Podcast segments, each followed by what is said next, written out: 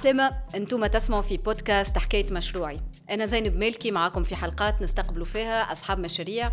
نحكيو معاهم بقلب مفتوح على المشاريع متاعهم. كيفاش نجموا يحولوا الحلم متاعهم الفكرة ومن بعد مبادرة ومن بعد إنجاز. باش نحكيو كيفاش لقاو تحديات وتجاوزوها. تحديات نجم تكون في تأهيل الذات في المحيط اللي يحبوا يعملوا فيه المشروع ولا حتى أفكار مسبقة على المشروع متاعهم. ضياف بودكاست حكاية مشروعي مختلفين جدا في كل شيء. شخصياتهم أعمارهم التجارب اللي مروا بها. لكن الأكيد أنه مشوار كل واحد فيهم ملهم مش فقط في طريقة تحقيق المشروع لكن زادة في مشوار تحقيق الذات. خليكم معنا واسمعونا. يمكن تعمل فايدة في بودكاست حكاية مشروعي. ضيافي اليوم اثنين على غير العادة على خاطر بدأوا كل شيء مع بعضهم. دوك حرصوا أنهم زادة يظهروا مع بعضهم.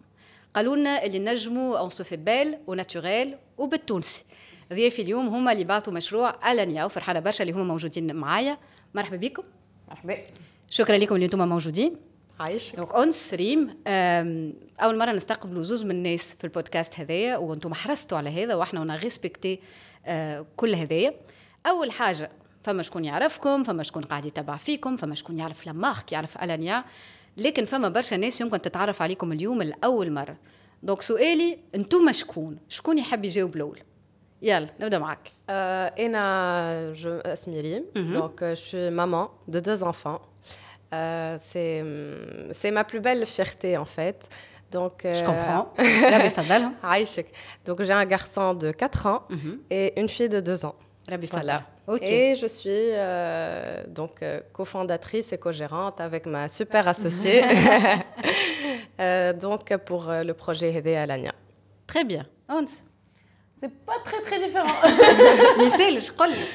Alors, si je devais me définir, je dirais une jeune maman. Mm -hmm euh, persévérante et, euh, et, sincère qui essaie de faire de son mieux pour faire la différence. Du coup, euh, ça fait plus ou moins la même chose, mais dit différemment. Hein. Ok, انتم on est complémentaires en fait. Complémentaires وياسر تشبهوا لبعضكم هذاك علاش قررتوا تخدموا مع بعضكم؟ Beaucoup. Mm. Euh, en fait قررنا نخدموا مع بعضنا pour plein de raisons. خاطر le choix أهم حاجة في l'entrepreneuriat c'est le choix de son associé, je pense. Mm. Si jamais vous voulez معناتها être associé à quelqu'un sinon معناتها faire son projet seul اهم حاجه على خاطر مش سهل مش كل يوم سهل معناتها باش تبدا سي سي كوم ان مارياج سي كوم اتر ان كوبل ولا حاجه دونك سي اون بيرسون اللي تراها كل يوم تحكي معاها كل يوم تاخذ قرارات معاها كل يوم دونك سي امبورطون دو من الاول دو شوازير بيان لا بيرسون اللي باش تعدي معاها الوقت هذايا الطويل معناتها Très bien. انا نعرف اللي انتم الاثنين عملتوا دي فورماسيون اون فارماسي vous êtes toutes les deux pharmaciennes عملتوا دي فورماسيون اون كوميرس يقول القايل سي دي فورماسيون بريفيليجيي نتاع ناس ينجموا يخدموا خدمه يحلموا بها الناس الكل علاش اش قام عليكم تمشيو تعملوا ان بروجي اللي نعملوا فيه حلمنا به اوكي علاش تعديتوا هي الاجابه باهيه الحلم نتاعنا اللي تي ديفيرونت كهو مي اللي نعملوا فيه سي كيلكو شوز كون ا توجور فولو فير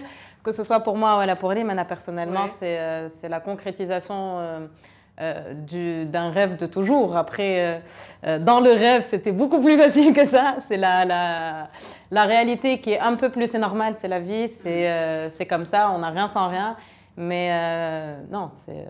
كي تقولي حلم معناتها حاجه واحد يقعد يعيش بها يخمم فيها ومن بعد يصير ان ديكليك باش يحاول يحققها وكل واحد يصير له الديكليك في حاجه انت كيفاش كان حلم معناتها كيفاه هو كان كان حلم وفكرة أو ميم طون معناتها. إحنا من قبل وإحنا نقولوا اصحاب من قبل إحنا. أوكي. اون امي دوبي دوبي تري لونتون قرينا مع بعضنا ما تحبوش تقولوا قداش تري لونتون ابارامون longtemps. ok, je crois, mais très longtemps. Des années. Voilà, des années. Donc, ça depuis, depuis très longtemps.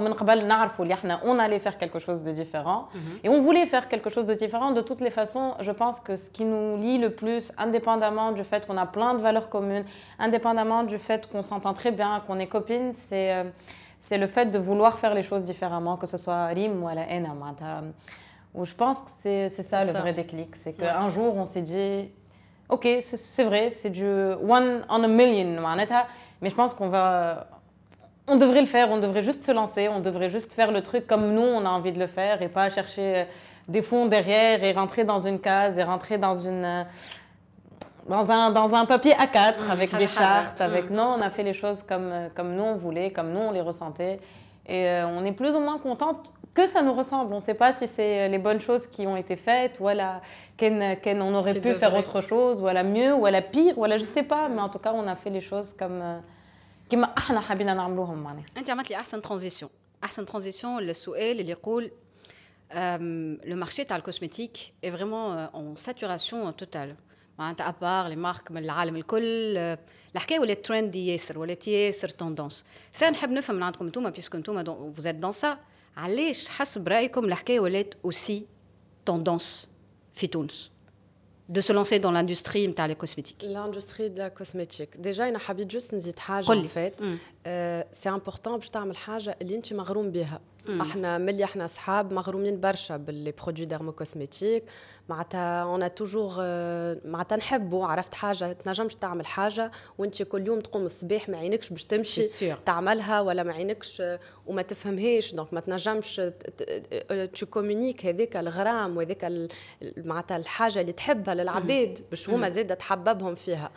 دونك الكوزميتيك اليوم سي فري كو نسمعوا برشا برشا عليها كل خاطر ولا هكا اون ا بلوس انفي دو دو فير اتونسيون ا سوا دو دو بروند سوان دو سا بو خاطر فهمنا اللي زيد لا بو سي ان اورغان سا في بارتي دو نو معناتها وجهك لازم ديما يبدا بون مين ولا معناتها اون بيل بو سي لا سانتي اوسي معناتها سورتو هالعوام الاخرانيين وكل فهمنا اللي واحد عنده موفيز مين ولا كل فورسيمون بلكش عنده حاجة بكشي مريض ولينا ياسر نخافوا من المرض نبعدوا على سيت بيرسون صارت كيما الصحوة عند الناس كيما ليفي بارابور للامبورتونس نتاع إنه واحد يتلهي بصحته اكزاكتومون اللي فهموا الناس اللي زاد صحتنا سي اوسي نوت بو نوت فيزاج دي فوا معناتها ريان كو معناتها تقوم الصباح تغسل وجهك ولا حاجه وتحط كيلكو شوز اون كريم تقولوا حسيت روحي مفرهده ريان كو لو مو حسيت روحي مفرهده معناتها on commence la journée avec de, des, des ondes positives avec de la positivité معناتها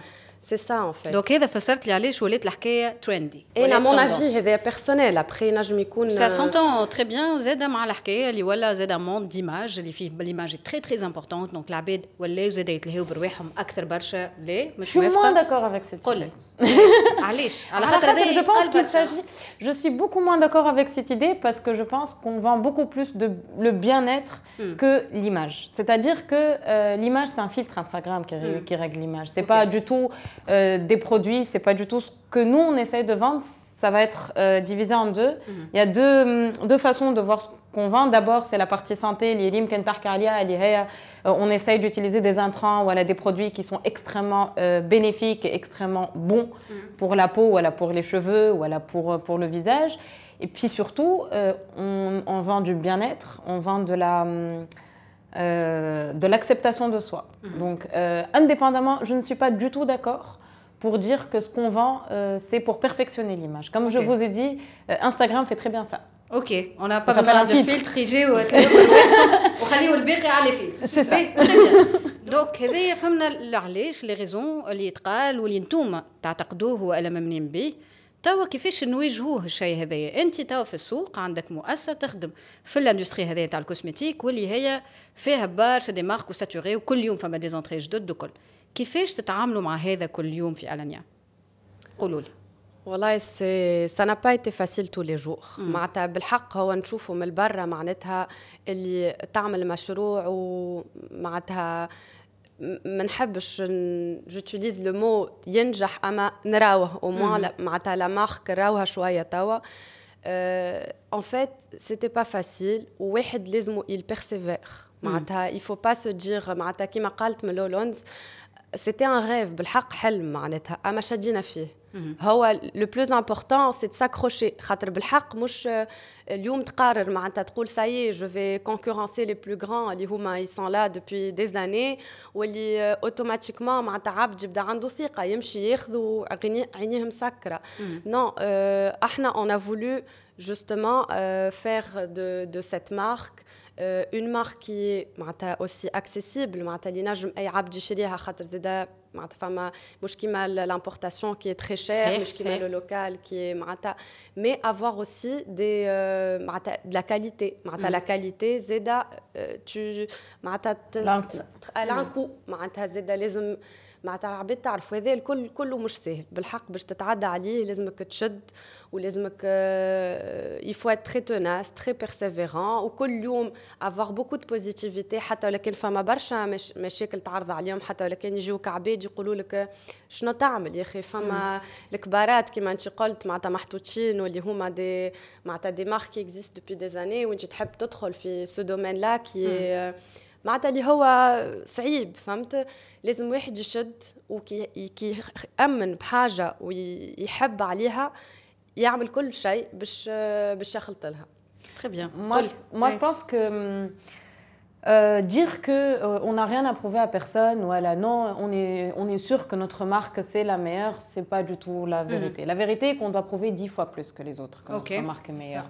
La vérité est qu'on doit euh, appuyer le fait que notre marque soit excellente qu'elle soit bonne, que ce soit sur le plan euh, euh, euh, qualité produit, mm. voilà, sur le plan. comme je vous ai dit, on vend du bien-être. Donc, on d'abord la salle de bain, mm. un gel, Donc, tout ça, c'est un challenge, c'est un véritable challenge. Parce que euh, quand une grande marque est installée, il suffit qu'elle dise que c'est un excellent produit pour que les gens croient. Mm-hmm. Et la croient, et parce que ça s'appelle de la notoriété, parce qu'elle a mis des années à construire cette, cette notoriété, cette confiance qu'ont les gens fait le marque Hedika, et c'est normal, j'ai envie de vous dire. Mhm. Nous, non, c'est pas notre cas. On est en train de prouver tous les jours que nos produits sont bons. Et ça, c'est une grande difficulté. Et euh, le véritable challenge, euh, si vous voulez, ou tu vas être un peu d'accord avec moi, le véritable challenge pour nous, c'était euh, de garder cette passion qu'on voit dans notre marque, mhm. de garder cet aspect très...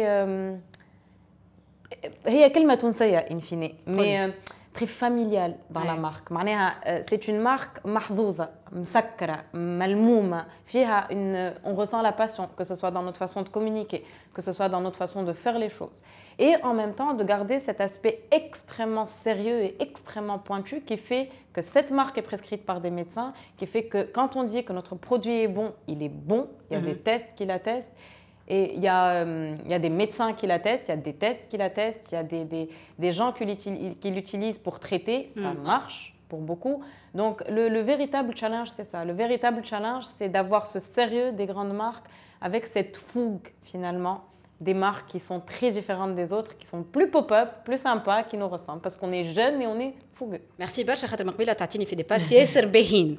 علاش نقول تعطيني في دي باس باهين على خاطر انت حكيت على الكاليتي نتاع الانياب بالنسبة لكم آه، إحنا نخدموا قاعدين نضمنوا في الكاليتي هذيا وفي مشروعي بالذات ترافقوا برشا ناس اللي باش يدخلوا الميدان ولا باش يكونوا فيه لازم ديما يحسنوا كالاكسبرتيز هذيك نتاعهم حتى لو كان أنتم فو فني دو دو دو لا فارماسي عندكم سو سافوار لا سو سافوار اكاديميك لكن قاعدين تحرصوا أنكم تتكونوا في حاجات أخرين تقدموا في هذايا ولا تقولوا سكون ديجا اي فريمون با مال ماتنون اون كروز افيك دوتر بيرسون ولا اون كولابور افيك دوتر بيرسون باش نضمنوا هالكاليتي هذايا ونجموا اون سو ديمارك في المارشي هذا.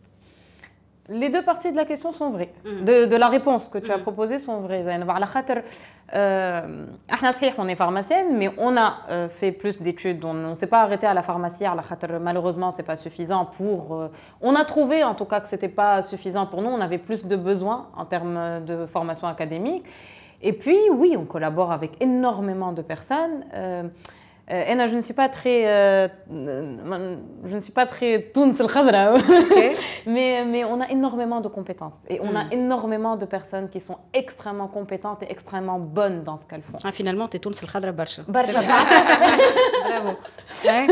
لا بالحق على خاطر en fait احنا توانسه ما نصدقوش رواحنا malheureusement. Hmm. On, on a du mal à croire qu'on est très bon hmm. dans ce qu'on fait et qu'on est très souvent meilleur dans ce qu'on fait. Mhm. On a des graines de, de, de, compétences qui sont juste extraordinaires. Dans tous les domaines, mhm. que ce soit dans le domaine très scientifique, très poussé de recherche, que ce soit dans le domaine de la com, que ce soit dans le domaine de la création, que ce soit dans le domaine plus technique, du digital, etc. etc. Dans tous les domaines, on a, euh, d'ailleurs, là où on ne pensait pas, je pense, on a trouvé mhm. autant, autant de compétences. De compétences. C'est pas vrai. On a énormément de compétences. Euh, et, malheureusement, euh, c'est des compétences qui se retrouvent toujours cadrées. Ok. Un jeune dit tu lui laisses aucune marge de manœuvre, mhm. aucune marge de recherche, aucune marge de soi. Mhm. Et ça, c'est pas ce qu'on veut.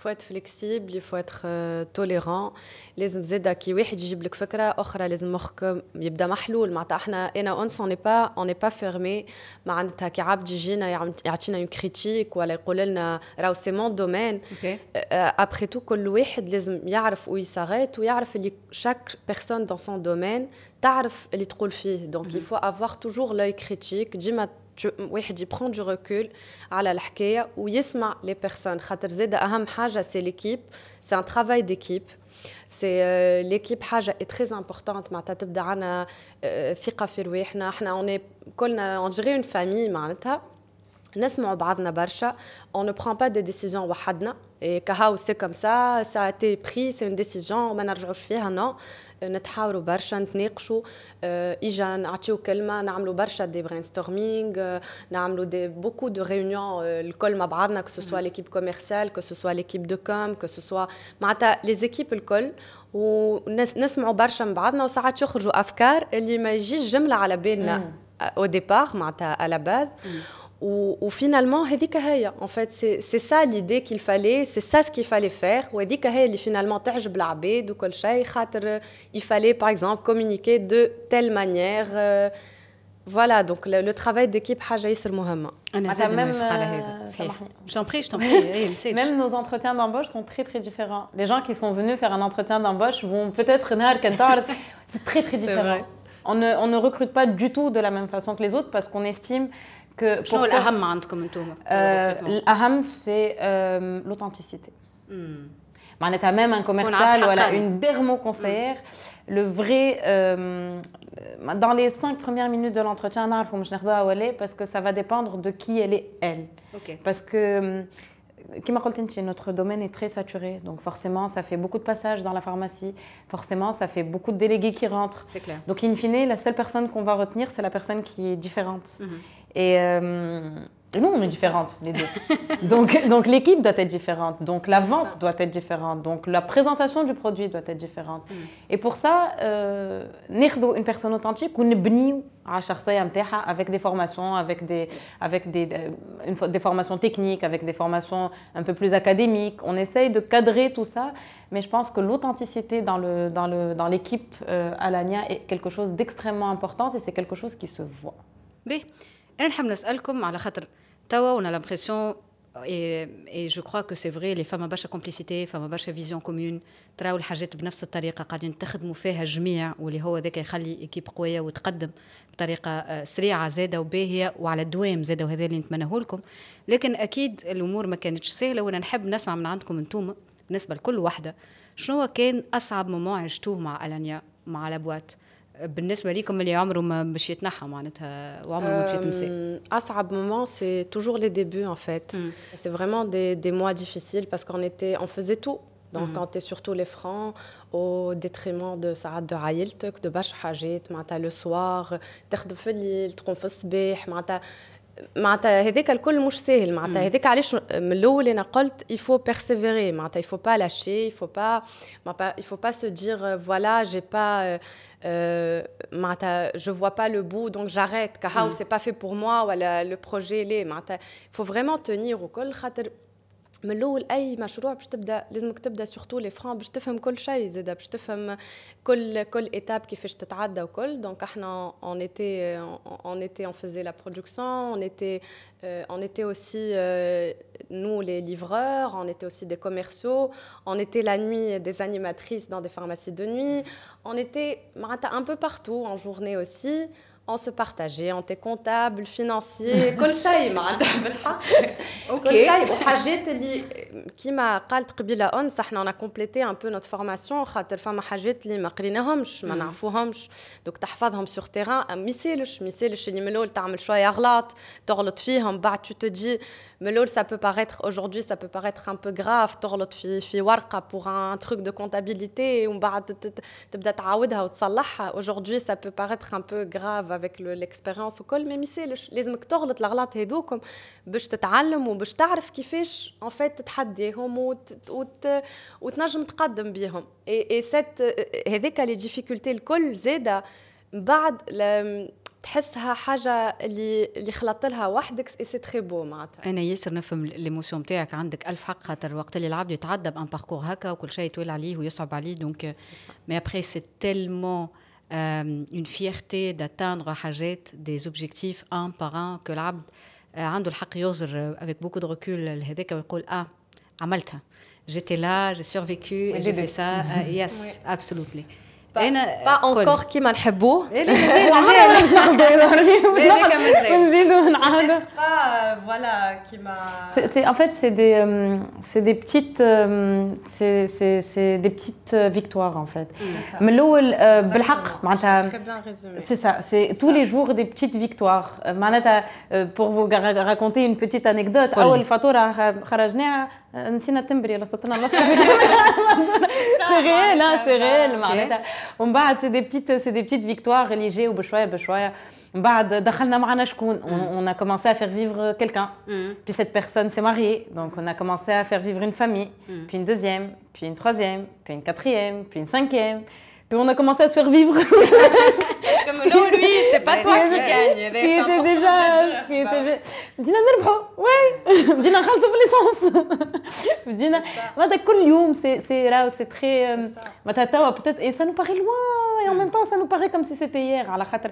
اول مره نتفكر عملنا دي كارت كاربورون ما عادش خلصوا ليسونس مش احنا باش ندبر كيفاش باش ندبر باش نخلص جوست جوست سا مي لو سيتي لو كاربورون بعد قلت لك C'était voilà, c'est ça. Voilà, tu as très bien résumé. C'est des petites victoires. بوزيتيف كل شيء مشيت ديريكتومون لي فيكتوار وما حكيتليش على اصعب وقت انت عشته. اصعب وقت انا عشته en fait, c'est la déception du début face aux gens. C'est-à-dire que quand on commence, on a l'impression que tout va être pas facile parce qu'on nous dit que ça va être ça va, ça va pas être facile, mais on n'a pas conscience. Euh, de la difficulté, de la réalité du terrain et du marché dans lequel on est. -hmm. C'est-à-dire que quand on a commencé, euh, nous on est pharmacienne, donc on a automatiquement plein d'amis pharmaciens, et c'est notre, notre, nos, nos partenaires, Inch'Allah, des partenaires ad vitam aeternam. Mais quand on a commencé, on pensait, Naourim, qu'on avait certaines choses qui étaient plus ou moins acquises. À la khatre, on était pharmacienne. Parce on allait être privilégié. On allait plus ou moins, même pas privilégié, mais pas. Euh, voilà. On allait avoir moins de moins يا c'est pas vrai. يا on devait c'est pas vrai et c'est pas vrai du tout. إحنا دخلنا لدي فارماسي يا أخي قالوا لنا برا وارجعوا غدوه على خاطر لواش لازمكم تخدموا في الخدمه هذه الكل وش بيه وجوهكم في حاله وعلاش ما تعملوش ليفرور شو معناتها شنو لازمكم تخدموا الخدمه هذه شنو لازمكم على خاطر êtes pharmacien علاش تليفريو في سلعه خذوا ليفرور non la société ne nous permet pas d'avoir un livreur et d'avoir une voiture de livreur. On ne peut pas. On ne peut pas se permettre معناتها ديما الأفكار مسبقه مش في اتجاه واحد فات نجم زادة تكون في اتجاه آخر اللي هو اي في اتجاه آخر. على خاطر مش لازك وجهك في حالة.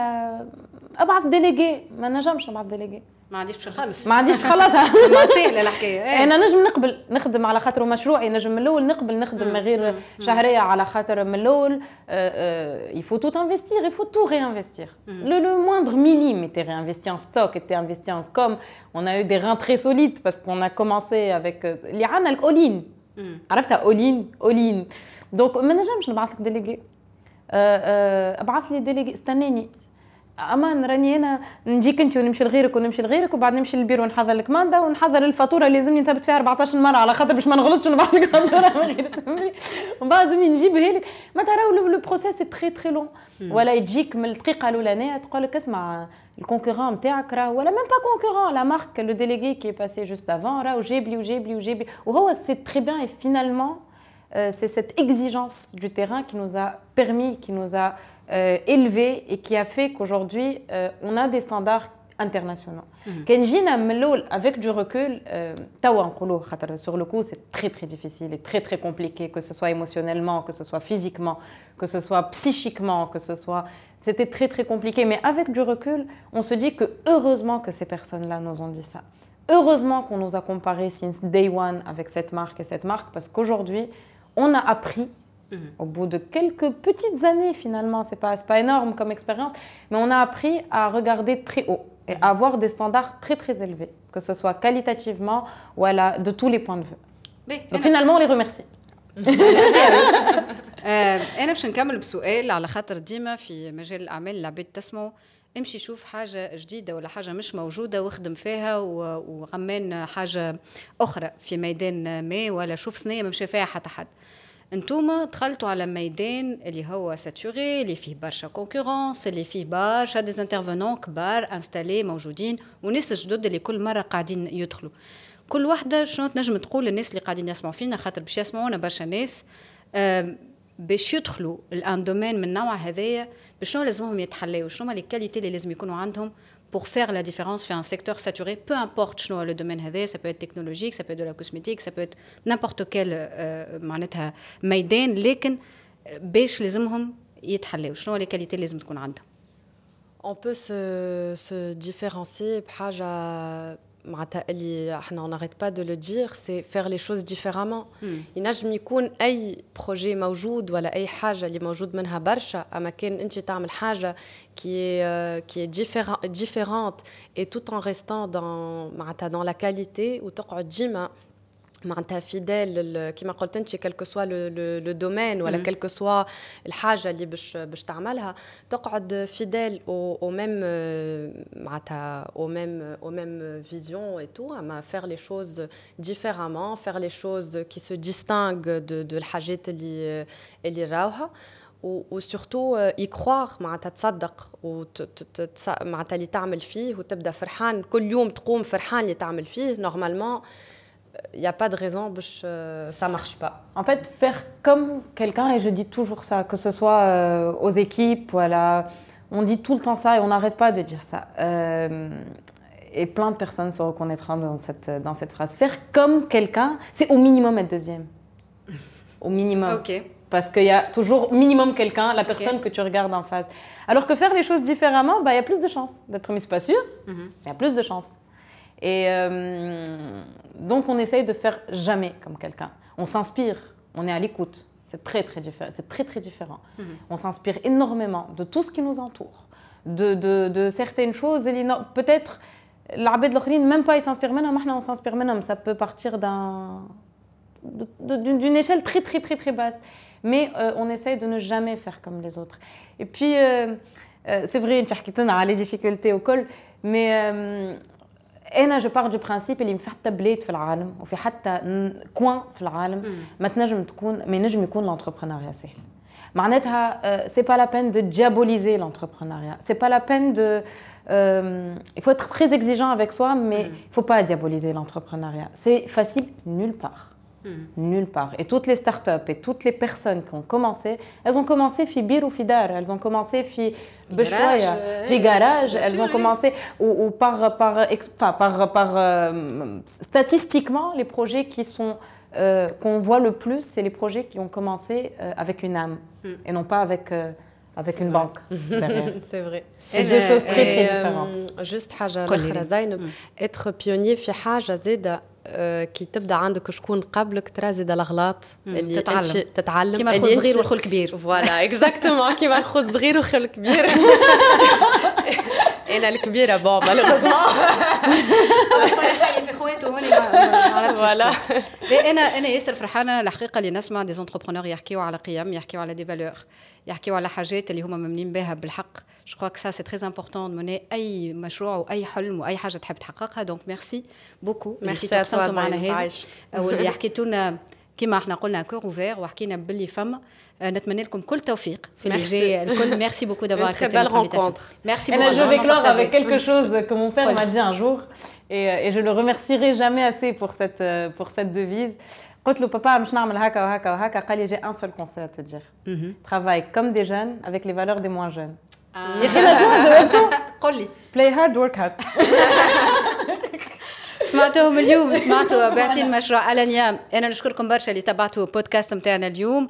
في حكاية مشروعين. نحب نقول لكم اللي أنتم تنجموا تتبعونا بالطبيعه على سبوتيفاي على ديزر على جوجل بودكاست على ابل بودكاست وبالطبيعه على ريزو مشروعي سيت إنترنت ولي ريزو فيسبوك والشانل يوتيوب. شكرا اللي تبعتونا وخليكم معنا في بقية حلقات حكاية مشروعي.